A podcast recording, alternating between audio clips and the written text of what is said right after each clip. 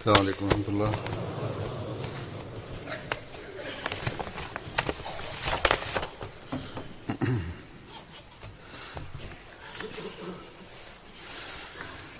أشهد أن لا إله إلا الله وحده لا شريك له وأشهد أن محمدا عبده ورسوله أما بعد فأعوذ بالله من الشيطان الرجيم بسم الله الرحمن الرحيم الحمد لله رب العالمين الرحمن الرحيم مالك يوم الدين إياك نعبد وإياك نستعين اهدنا الصراط المستقيم صراط الذين أنعمت عليهم غير المغضوب عليهم ولا الضالين بسم الله الرحمن الرحيم آمين تنزيل الكتاب من الله ذي العليم غافر الذنب وقابل التوب شديد اللقاب ذي الطول لا إله إلا هو إليه المصير الله لا إله إلا هو الحي القيوم لا تأخذه سنة ولا نوم له ما في السماوات وما في الأرض من ذا الذي يشفع عنده إلا بإذنه يعلم ما بين أيديهم وما خلفهم ولا يهيتون بشيء من علمه إلا بما شاء وسع كرسيه السماوات والأرض ولا يؤده حفظهما وهو العلي العظيم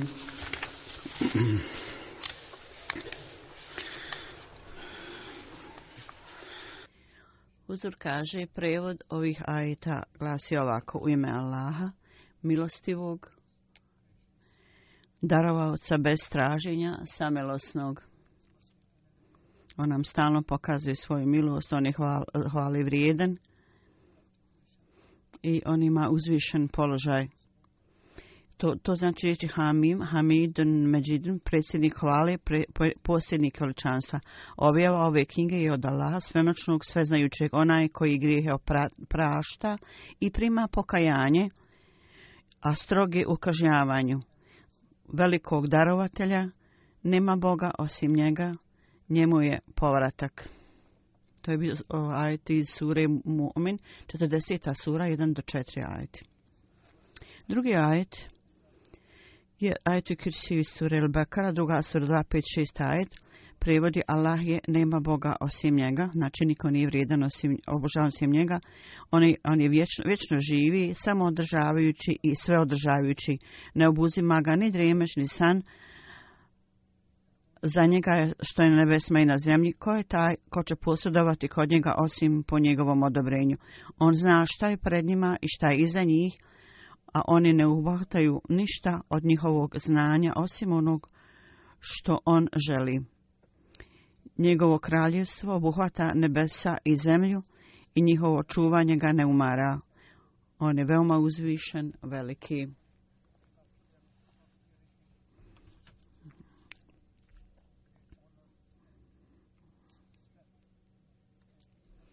Ovi ajeti su sure Al-Mumin. Prva, to su prva četiri ajeta, uključujući Bismile, to su četiri ajeta. I druge, druga sura, kao što sam rekao, uzor kaže iz ajetu, ajetu Kursiju, sure Al-Bakara.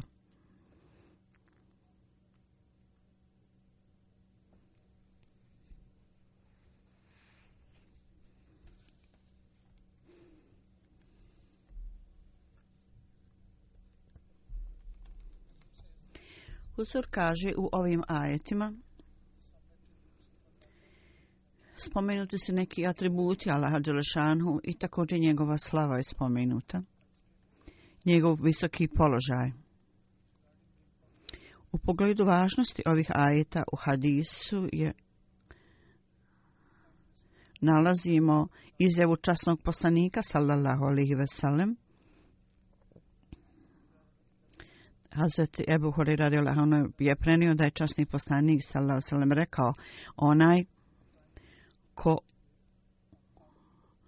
u vrijeme od Hamim počinjući odatle do određenog mjesta uči ovaj ajit i također uči ajit kursiju, onda sa oba ova ajeta on bi bio zaštićen do noći koji uči, a onaj ko oba, ove ajit, ove, ovo jajete uči uveče, njihovo blagoslovo ovih jajeta će ga čuvati zaštićenim do jutra.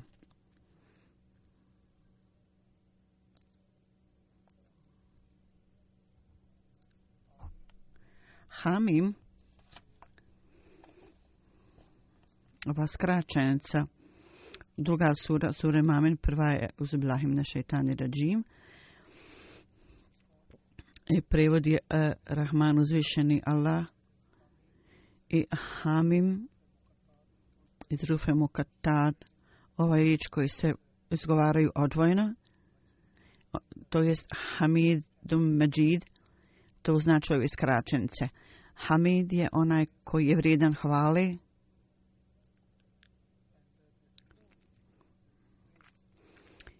istinska hvala zapravo pripada njemu, to jest, da tako kažem, Allah Đelšanhu je taj koji, koji pripada sve hvale. Mesima od Ali Salam objašnjavajući riječ Hamd kaže tako da to treba biti objašnjeno tako da Hamd se naziva ona hvala koja je samo sa dobra dijela koja je osoba učinila i to je hvala za i također hvala za onu osobu koju je dat ovaj blagoslov toj osobi i u skladu sa njegovom voljom on pokazuje mu se nak, pokazuje naknadu za to stvarnost riječi hamd može se biti pri, može pripisan onoj osobi koja je koja je krajnji izvor svih oba, o, izvora blagoslova i bez ikakvih e, na, bez ikakvih e, usluga ili zasluga blagoslovlja nekoga bez ikakvog drugog razloga. Hvala bude data hvala je data onom Allahu koji pokazuje na, naklonost ljudima ne iz prinode iz, nek, iz nekog razloga Značenje hamd, ovo značenje se samo može naći kod Allah koji ima cijelo znanje, potpuno znanje i sva hvala pripada njemu. Na ovom svijetu i na budućem i svaka hvala koja, koja se u drugim ljudima, on je, kraj, on je konačno, konačno zaslužen svih hvala i njemu pripada ta hvala, što je Allah, Allah je zaslužan svih hvali. I, i, i da je, znajući da je neko uradio nešto, da je uradio nešto, pripada mu hvala, ali zbog Allahovog blagoslava on je bio u stanju da to uradi i onda i, njom, uh, i njemu se uručuje hvala. Oblišnajući dalje riječ hamd, kaže da je hamd ona hvala koja se uručuje nekome koje jako poštovan, uručuje mu se jezikom, a savršena hvala je izuzetno za Allaha Đelešanuhu. Koji ima svaku svu slavu i on je taj koji upučuje ljude koji su zalutali i on oprašta onima koji su pogrešili. I oni ljudi, oni stvari koji su vredne hvali, svi su, sve su te stvari zauzete u hvalinju Allaha cijelo vrijeme. I on dalje kaže,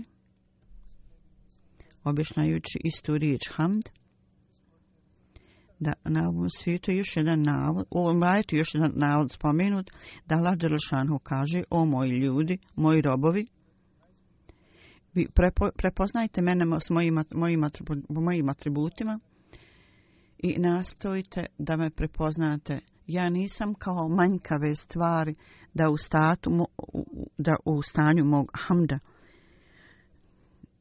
To je mnogo više nego što je proveličavanje bilo koga što neko može napraviti. I na oba svita vi nećete naći ni jedan atribut poštovanja koji nećete naći kod mene, Allah kaže. I ako budete nastojali, da nabrojite moje atribute koji se vrijedni hvali, nećete biti nikad u stanju da ih sve nabrojite.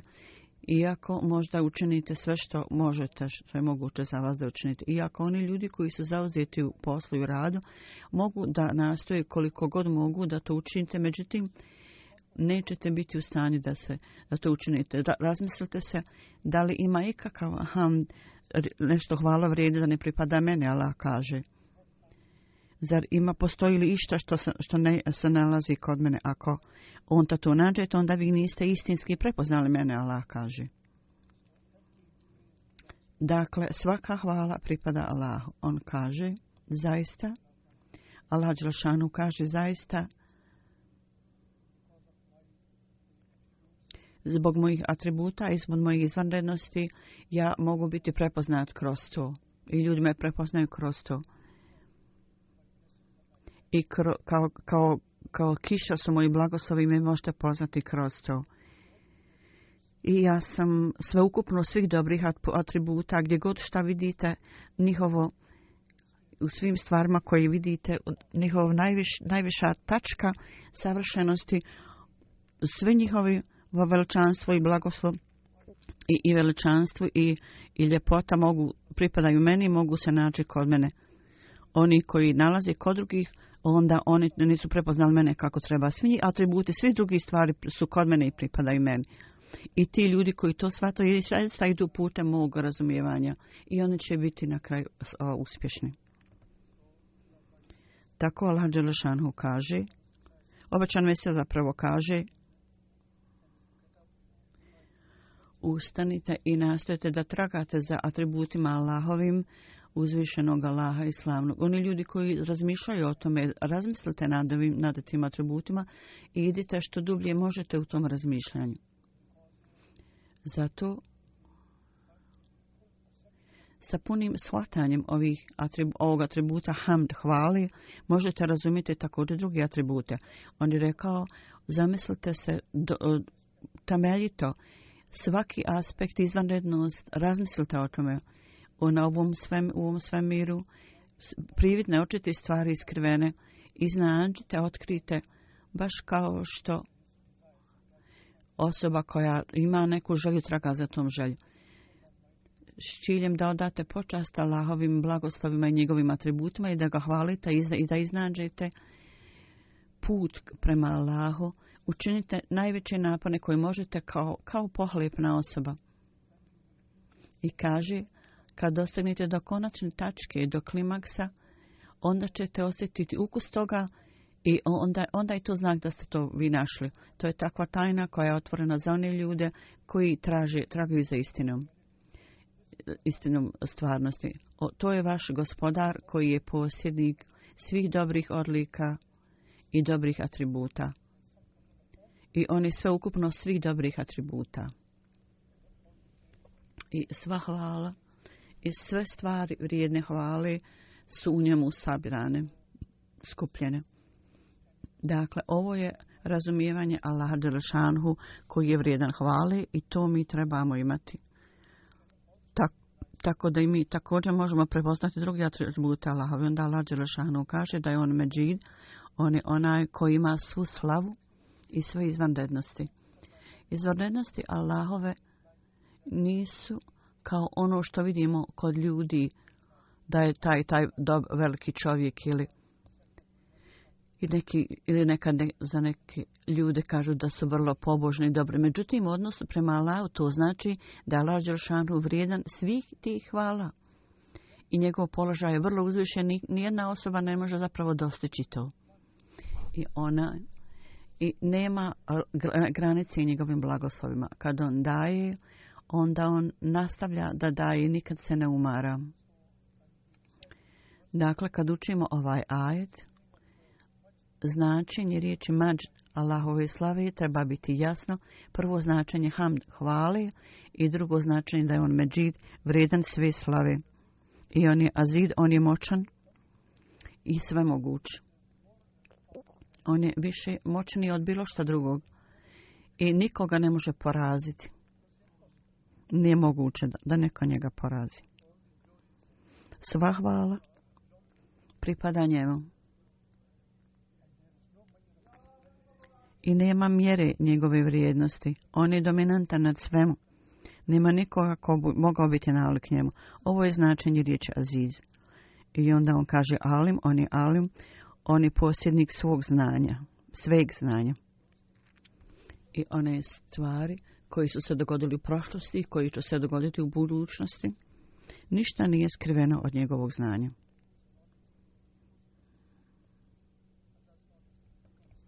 Allahovo znanje obuhvata sve i to je Allah je taj koji objavi u knjigu, to je časni Kur'an i zadnji šarijat, dvjerski zakon je da on je spomenuo sve stvari, zahtjeve za sva vremena su spomenuti i on je omogućio za sve njih i sve vrste zaštite i prevlasti dominacije.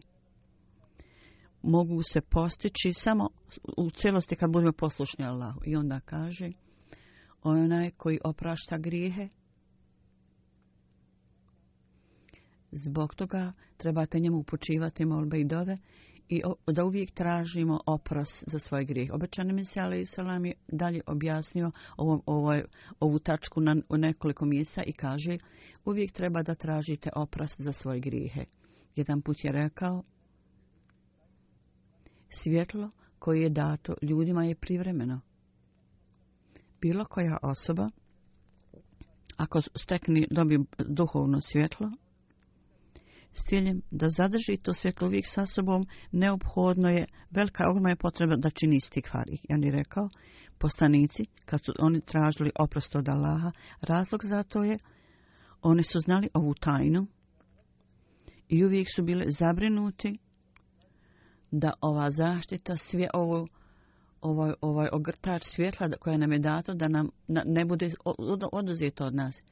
I to značenje istikvara je znači svjetlo koje je dato od Allaha da bude sačuvano i da osoba dobije se više tog svjetla. I s ciljem da to dobijemo, on je rekao, pet dnevnih namaza je tu i namaz je dio toga da steknemo blagoslov i da steknemo to svjetlo, da dobijemo to svjetlo jer u namazu tražimo oprast za svoje grehe, tražimo oprast od Allaha. I on je rekao, tako da svaki dan otvorite svoje srce i molite sve od Allaha Đelšanhu. Onaj komu je dato razumijevanje, on zna da namaz i dova su najviša tačka kroz koju sva ove propuste i nedostaci i bolesti bilo kakve prirode, osoba može od svega toga biti izbavljena, oslobođena. I osoba može da se oslobodi svih ovih bolesti kroz ibadet i nama, znači i fizičke i duhovne bolesti. Sve to treba moliti dovu ibadet. I među tim dovama traženje oprosta je jako bitno. Dnevni namazi su također dio toga. Dakle, kad je časni poslanik Salasalem ispomenuo o učenju ovih ajeta, samo učenjem ništa nećete postići. Međutim, praktično, praktično stanje mora biti popravljeno. Treba da posvetite pažnju tome kako da tražite oprost i kako treba da zaštitimo svoje dnevne namaze, tako da također i mi budemo zaštićeni. Objašnjajući dalje riječ istih var traženja oprosta, obačan me se ja kaže jednom prilikom, značenje istikvara traženje oprosta je da i da e, prividno iako nema i, i kad nema prividno greha koji je počinjen me, me, i da uopšte ne postoji nikakav nikakav e, po, poticaj da osoba počini grije i nema nikakve moći i snage da, da bi on počinio grije. I on kaže ovo je zapravo stvarnost istikvara koji su činili poslanici. I oni se molio Allaha da takva snaga moć nikada ne postoji u budućnosti. Međutim, za obične ljude ovo značenje istikvara je da, koj, da, da moli Allaha da kakav god smo grije počinili, da nas Allah zaštiti od zlih posljedica toga i da nam Allah oprosti grijehe. I da nas također zaštići da ne, ne činimo grijeh u budućnosti. I on kaže, u svakom slučaju neophodno je za osobu, da uvijek treba da se zauzme u traženju oprosta za svoje grijehe. Ove suše nedostatak hrane, ove kušnje koje dolazi s vremena vrijeme, svrha toga je da se ljudi zauzmu u traženju oprosta u stikvaru.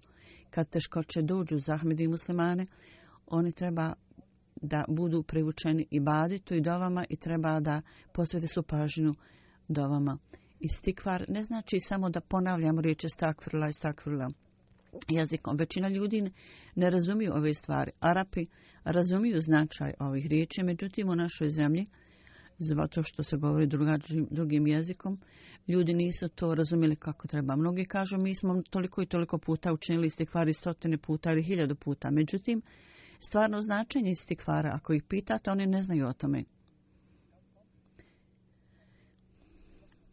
i o, o čovjek treba da čini istikvar u srcu cijelo vrijeme, da bude zaštićen od svih griha koje je počinio. I, i da moli Allah da ne dobije nikakvu kaznu za to i u svom srcu treba stano tražiti pomoć za to da u buduće e, čini dobra djela i da ga Allah osposobi da odbaci sve zle stvari.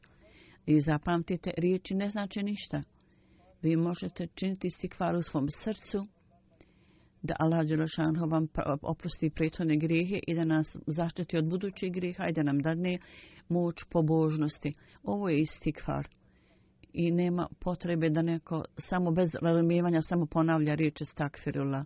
Ako u srcu kroz ovaj istikvar Ako nema takvog osjećaja i ljubavi i strasti, Jer u vašem ono srcu treba da bude uzbuđenje. I obično mi se je rekao samo, ona sva dostiže do Allaha koja izlazi, dolazi iz srca. Molite Allaha na svom jeziku. I to također ostavlja dojam na vaše srce. Jezik samo svjedoči srcu. Ako postoji uzbuđenje u srcu, onda i jezik tako, tako govori, to je mnogo bolje. Bez razumijevanja, jednostavno govorenje, izgovaranje jezikom beskorisne. Ako dova dolazi iz srca, ako osoba prije nešto dođe, kušnja.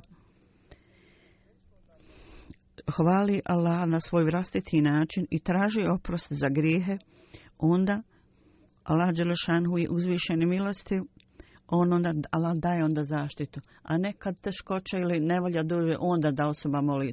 Treba prije toga moliti Allah, on je rekao. Allah Đelešanhu je milostiv, i samilostan i on odgađa ove probleme ili ih e, otklanja. Međutim, kada ove nevolje nesreće dođu, ne samo u to vrijeme da treba da molite Allah i hvalite, nego prije toga tako da budete zaštićeni od kušnja i, i, i, i teškoća. Naša zajednica uvijek pokazuje jednu prepoznatljivu odliku. Ako osoba dođe i dadi zaljeba jata i ode i ne pokazuje nikakvu isticanost, istaknutu u svom ponašanju nikakvu promjenu, ako tretira svoju porodicu na isti način kao prije i svoju familiju također, onda to nije dobro poslije davne zavjeta odanosti. Ako on nastavi isti karakter i ponašanje, isto stanje, ako ostane, kakva je onda korist od njegovog zavjeta odanosti i bajata? Treba biti tako da poslije davanja bajata članovi porodice i svi koji su u odnosu sa njim, da vide i priznaju da on više nije ona stara osoba. Zapamtite, kad činite vrlo čista dijela, onda ćete ostaviti dobar dojam na njih, on će biti impresioniran. Pogledajte primjer časnog poslanika, Salalove se nam jedan put je, nevjernik sumnjao da će časni poslanik činiti dove protiv njega i svi nevjernici su došli zajedno i rekli su, molim te, nemoj moliti učiniti dobe protiv nas. Tako da istin ta osoba ima svoje vlastito poštovanje i to treba biti samo radi Allaha Đelšanu. Kada sve učinite dobro radi Allaha, onda će to biti osvijati dojam na druge ljude. Dakle, shvatanje i razumijevanje zna, istinskog značaja istikvara treba da istinsko razumijete i bez toga drugi su dove beskoriste. Praktika, praktično stanje, kad, kad praktično stanje, nastavite da popravite. I neke ljudi kažu, reci nam kratku dovu. Kratka dova je korisna kad ispunjavate svoje obaveze. Vi činite dove i bade tako nama obavljate na, na, nama, na, na vrijeme i redovno. I, i, i imajte želju i ljubav prema namazu i zbuđenje, skupa s tim sve će drugi dove i badet biti korisni, na to će se utjecati. Jedan Allahov atribut je spomenut ovdje, da je on kabel tub, to znači da on prihvata pokajanje, prima pokajanje. Pokajanje znači traženje oprosta za svoje grijehe i okretanje Bogu. Kad osoba sa ovom predanošću bude prisutan pred Allahom i, i da neće činiti grijehe u budućnosti i da moli da mu Allah pomogne da izbjegava grijehe, onda Allahova ljubav i želja da prihvata te, dove te osobe koja dolazi tako k njemu. Obećani Mesija je spomenuo ovaj predmet na jednom mjestu u sljedećim riječima. Šta će biti taj dan koji je mnogo bolji od Džoma i, i Bajram? Ja vam kažem, to je dan pokajanja osobe koji je mnogo bolji od svega toga. To je mnogo veći od bilo, od bilo kojeg Bajrama. Zašto? Zato što u tome čovjekova loša dijela koja čovjeka vodi bliže džehennemu i dovodi ga u lahu, lahu, pod lahom zgnjeju i svi ti grijesi budu o, o, o, o, oprošteni tog dana kad se osoba pokaje. Poka, koji onda može biti bolji dan za to osobu nego kad njegov grijesi budu o, o, o, oprošteni i kad mu Allah primi njegovo pokajanje. A osoba koja la, ne moli Allah za oprost i onda je, onda je žrtva Allahove srđbe, i, a takva osoba onda bude izvađena po, e, posle pokajanja, izvađi, bude izvađena iz vatre iz džehennema. U prevodu kaže oni ljudi koji se pkaju, Allah zaista ih drži kao svojim prijateljima i on voli one ljude koji čini dobro. I ovaj ajet nam govori da da Allah Đelšanu učini lju, oni ljude koji se kaju svojim, svojim drugovima, znači evlijajima. I također mora biti prisutno čistoća postupaka i stvarno pokajanje kad su zaista s tim i čista dijela. Dakle, vrlo čvrsto obećajte da nećete činiti nikako grihe. Onda će ta čistoća biti tu. Samo onda će dova biti primljena i badet, i osoba će biti izbavljena od sve nečistoće i svih griha. Inače, jednostavno riječi te oba i ponavljanje tih, to, te riječi ne, ne daje nikakvu korist i nijed korist. Dakle, blagoslovljen je onaj dan kad se osoba pokaja od svih poruka koje učinila svi griha i čini rješenost, čvrsto rješenost da će, da će uh, pokoriti se Allahu i, i da moli od Allaha da mu oprosti. i, i bude izbavljen Allahovog, Allahovog uh, Allahove srđbe, bit će zaštećen od, od Allahovog gnjeva i bit će čovjek u, u stanju da primi one stvari koje prije nije očekivao. Vi možete sami zamisliti da osoba koja je potpuno bila razočarana da ne, ne, dobil, ne dobije neke stvari i očaj ga savlada. Kad jedan put bude u stanju da to nađe, njegov, u tom momentu njegovo srce nađe novi život. I to je spomenuto u hadisu u jednom govoru u knjizi hadisa koja nam kaže da kad osoba izađe iz života grijeha i kroz pokajanje dobije novi život, Allah Đelostanhu postane vrlo zadovoljan s njim. Ovo je povod radosti i veselja kad osoba bude pod taretom griha i onda uh, Allahov blagoslov dolazi sa svake strane njemu. I onda kroz pokajanje on se kaje Allahu. Poslije svi griha nakon što mu dolaze sa svih strana. To je moment zadovoljstva Allahovog i meleki Allahovi također pokazuju svoje zadovoljstvo i sreću. Jer Allah Đelešanuhu ne želi i ne voli da bilo koji njegov rob sluga budu, bude uništen i da umre. I on kaže, ako je njegov rob počinio nešto pogrešno, a ipak se pokaje i dođe bliže Allahu, zapamtite taj dan kad se osoba pokaje za sve svoje grihe, to je najblagoslovljenija stvar i to je blagoslovljeniji dan od svih drugih dana jer on dobiva novi život tog dana i on bude bliže Allahu Đelešanu i u tom pogledu taj dan u kojem većina vas činite ovu rješenost i dajete zavjet bajata i, kaž, i obećate da ćete se održati koliko god možete i, i obe, dajete obećanje obećanome sinju u ovom zavjetu. Ja, mi treba da se pokajemo istinskim srcem i da svi grijesi budu o, o, oprošteni. I on bude takav da možemo reći kao da izgleda kao da ni, ni počini nikakvog griha. Međutim, ja ponovo ću da kažem, uvjet za to je da istinska čistoća i istinsko čišćenje mora biti prisutno, a ne pokajanje samo riječu. I treba da dođete pod Allahovu milost. To nije jednostavna stvar da grijesi osobe budu oprošteni. Velika je stvar da on smatra da je neko počinio nešto pogrešno i ponekad ljudi imaju ovu zlo, kajanje godinama i tragaju za momentom uh, da i kažu kad dođe vrijeme da čekam da se osvetim. Međutim, Allah je Allah je milostiv, on nije tvrdo srca kao, kao ljudi da ostavi to, tu ozlobu godinama. Allah je milostiv i on može oprostiti grijehe u jednom momentu od 70 godina na grijeh. I nikad nemojte misliti da je, da je ovo be, beznačajno. Ne, ne oprost je zaista korisno za to osobu koja stekne oprost, koja čini to i traži pokajanje istinski.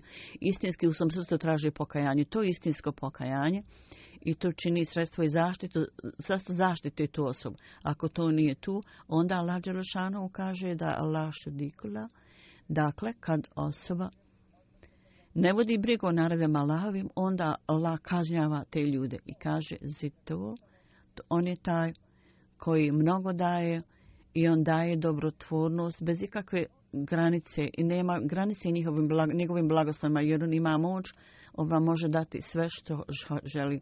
Allahove riznice su neograničene.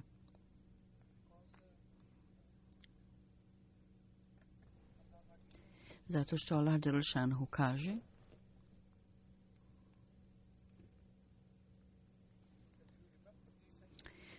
zapamtite ove moje atribute, onda ćete neprestano dobivati blagoslov od mene. Nema niko drugog koji ima toliko mnogo moći da vam dadne te blagoslave. Mi imamo na ovom životu i poslije, poslije smrti vratit se, moramo se vratiti istom Bogu. Dakle, da je krajnji povratak Bogu. Tako da u tom slučaju treba postojati namjera da činimo dobra dijela u skladu s naredbama Allahovim. Ako je tako u stanje prisutno, da će uvijek Allah Đerušanu zaštititi tu osobu. Drugi ajet, ovom drugom ajetu, a časni poslanik je također spomenuo, to jest u ajetu Kursiju, spomenuto da je Hazreti Ebu Horeira prenio da je časni poslanik sallallahu alejhi ve sellem rekao i postoji najviša tačka svega, a najviša tačka časnog Kur'ana je sure Al-Bakara. I jedan ajet je u suretu Bekara, koja je, koji je vođa svih ajeta, to je ajet u Kirsiju. I obećani mi se, ja objašnjavit u tačku, kaže Allahu la ilaha illahu al-kajumul, znači Allah je taj, nema nikog mimo njega, on je život i duša svega i on sve podržava.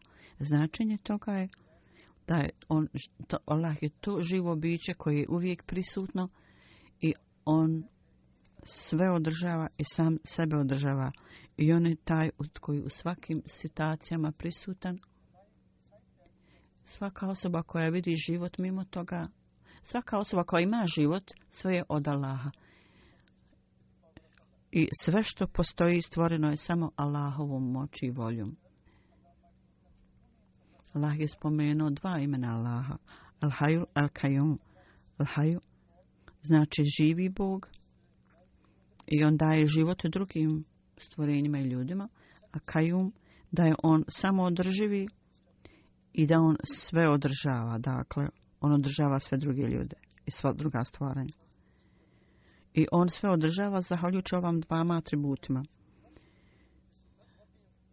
Ovo znači da njega onda treba obožavati. Vrlo je važno da ovo razumijete. Riječ haj znači da njega treba obožavati. Jaken abudu se također odnosi na ovo. Al hajul kajum. Jaken stein ima isto značenje. Ako hoćete da živite duhovni život, duhovno, i da treba da se okoriste odjeći hajl i obožavati Allaha Đelšanu. I zato treba tražiti Allahovu pomoć da budete u stanju da, čini, da činite obožavanje i bade. I ova riječ je takva da on, on je taj koji je stvorio i nije nas ostavio samim. Kao što, na primjer, neka osoba e, izgradi zgradu i onda on umre, a zgrada ostaje onaj ko je gradio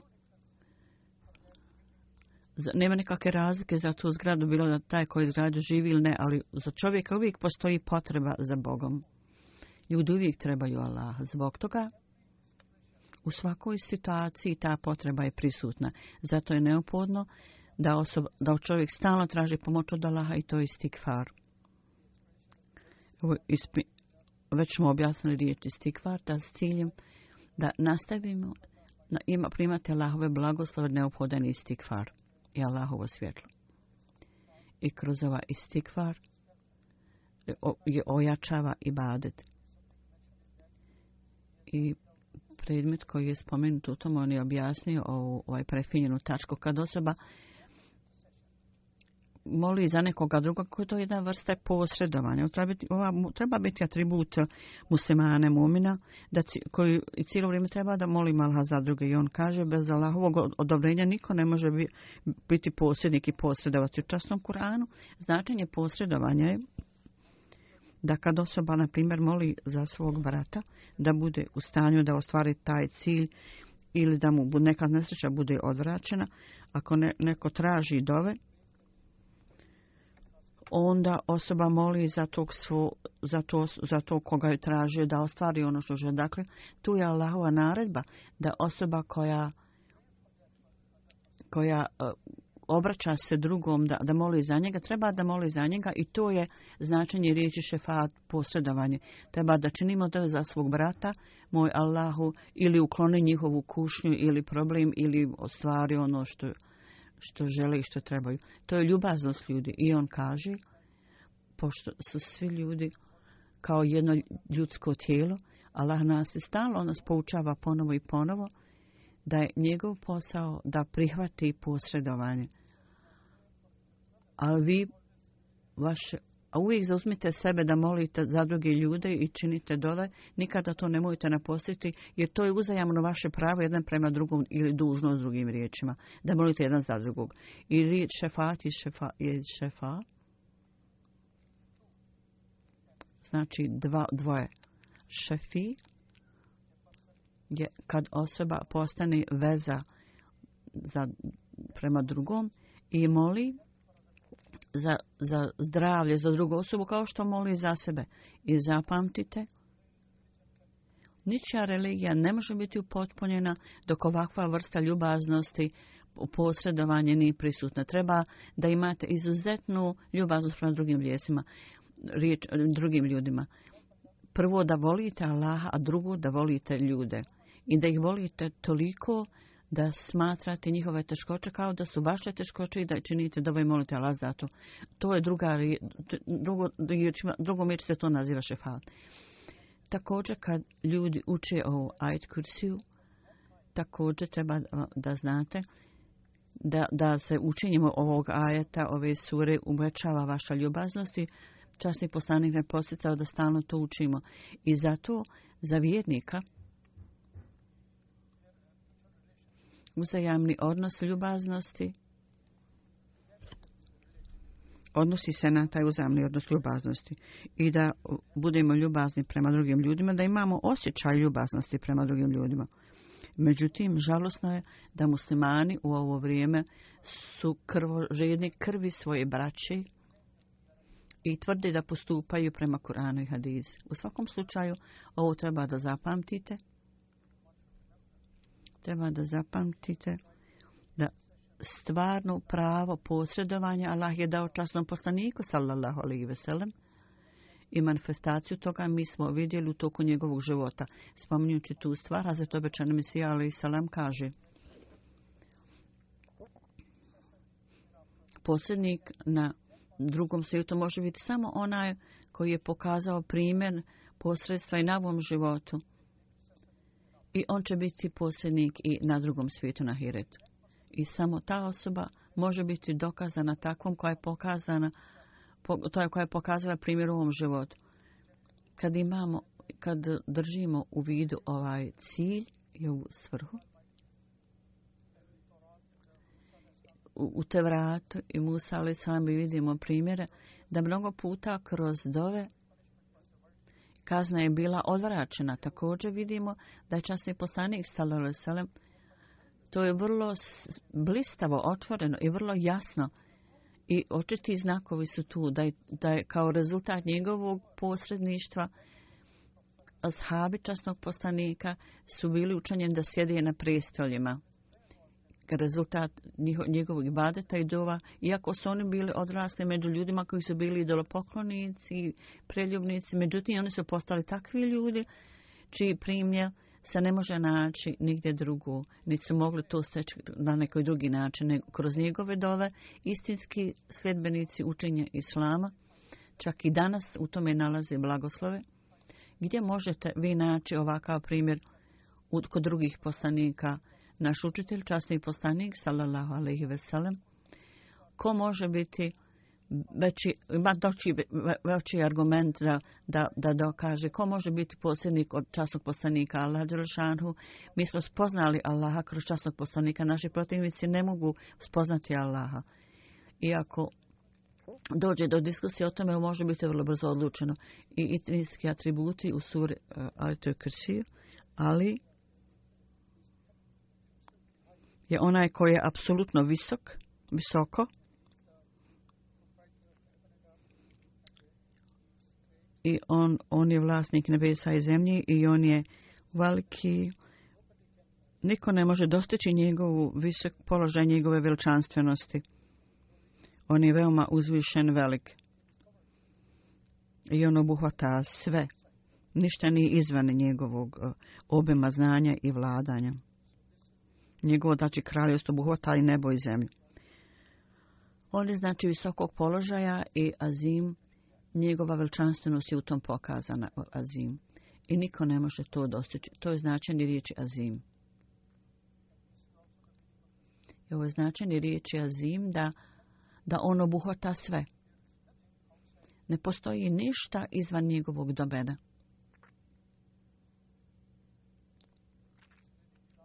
objasnajući zadnji dio ovoga ajeta, obećano mi se Ali Salam kaže u pogledu kursi vasija kursi husamavate valarda velaje u duhu hivsuhuma vahoval alijul azim.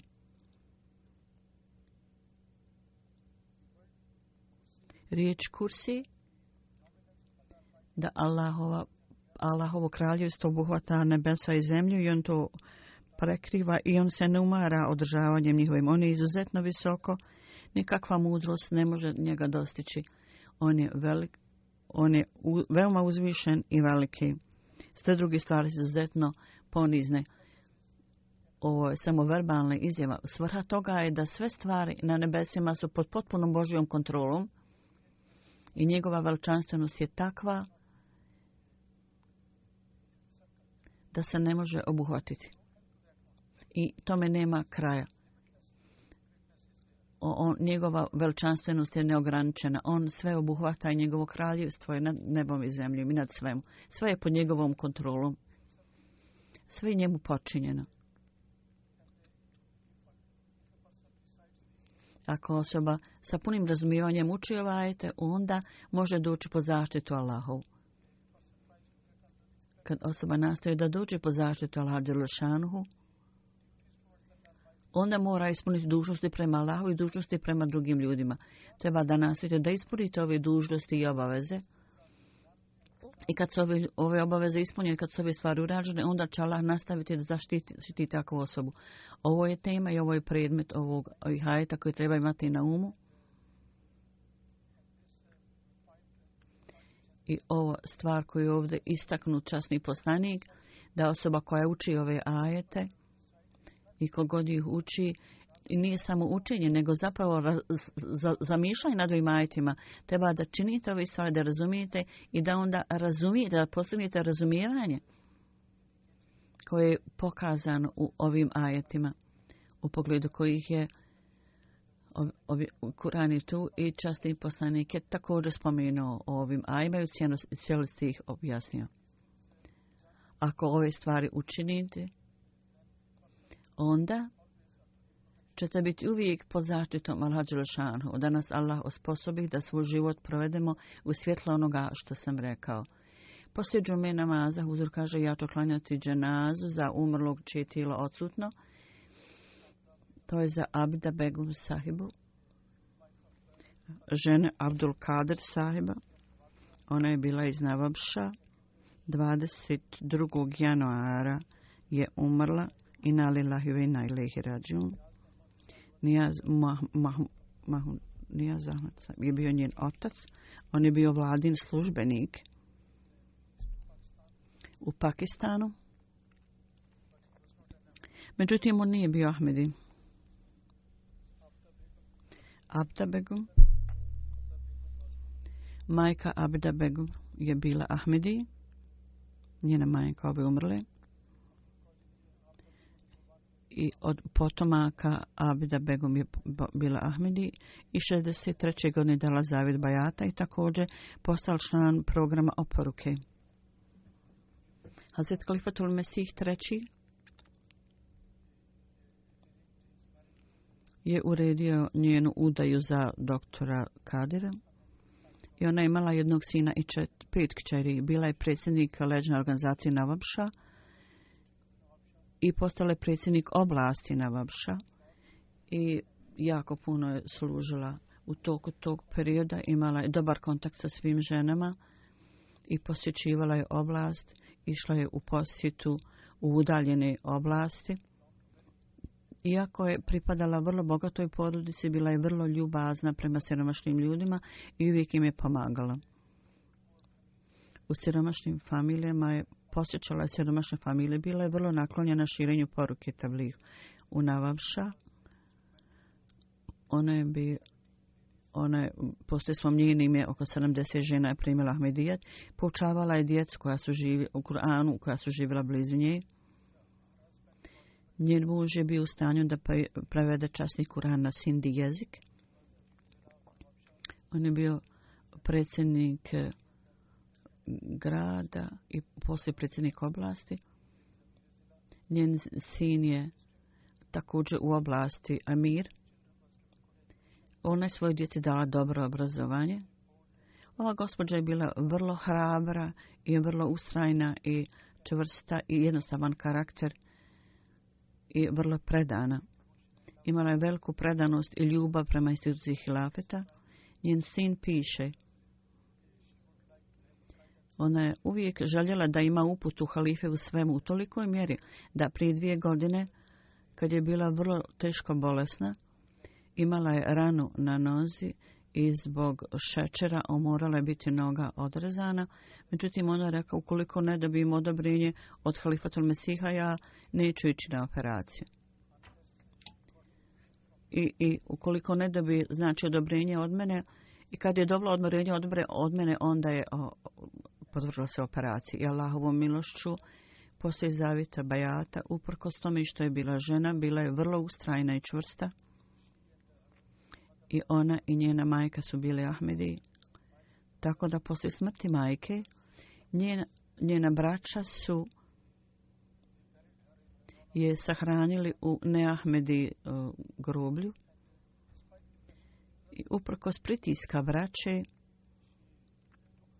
ona je uzela mrtvo tijelo majke i dovela je u rabvu i tamo je sahranila u bašti Magbar. Magbar. Svoju majku. Allahovu milošću ona je sve radila na vrlo lijep način s mudrošću i učestvovala je regularno na Džasaklanu kad je Anhazetu Kalifatul Mazi četvrti u pogledu nje rekao, pisao njenom sinu ti znaš da je tvoja majka Zahmedijet bila kao kao o, mač. Kad je Kelmi Šahadet su izbrisali neki protivnici sa nekih mjesta, ona je dokazala, dala dokaz prema Kelmi Šahadetu i rekla je Ona je popila se na, na ljestve i rukom ispisala Kelmi Šahadet. Ona je bila žena, međutim, bila iz takve familije da općenito oni koji vode ovi računa ovim sitnim stvarima u vrijeme njene smrti pri nekoliko godina pri nekog vremena kad je teško disala ona je dala neke nekoliko pare i rekla ovo je moja čara nazvala Kvida Džedid i Tehrike Džedid on je potru, ona se potrudila i posljedova da se napravi antena za MTA započela je komitet i, i, i tako, tako da su neki članovi porodice bilo stanje da, da instaliraju neke porodice, bilo stanje da dobiju antenu i da daju program. Oj, oj, gospodin iz Australije kaže ova žena je, ona je pisao, ova žena je bila vrlo hrabra i bila spremna da uvijek učini bila kakvu o, žrtvu. Regulno je učila, učila Kur'an i slušala učenje Kur'ana uprkos činjenice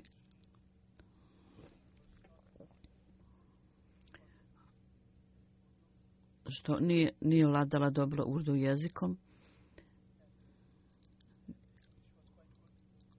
Njen ingles je bio prilično dobar. Međutim, podesla, se, podesila se tom, o, tom o, o, okolišu, naučila je Cindy jezik i prenosila je poruku Sindi Neahmedi da Lađešanu ima milosti i oprosti ovo umrlo i također uzvisi njen položaj i također osposobi njeno, njene potomke da slijede put dobrote i pobožnosti.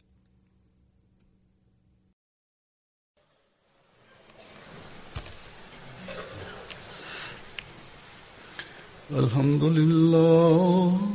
الحمد لله نحمده ونستعينه ونستغفره ونؤمن به ونتوكل عليه ونعوذ بالله من شرور انفسنا ومن سيئات اعمالنا من يهده الله فلا مضل له ومن يضلل فلا هادي له ونشهد أن لا إله إلا الله ونشهد أن محمدا عبده ورسوله عباد الله رحمكم الله إن الله يأمر بالعدل والإحسان وإيتاء ذي القربى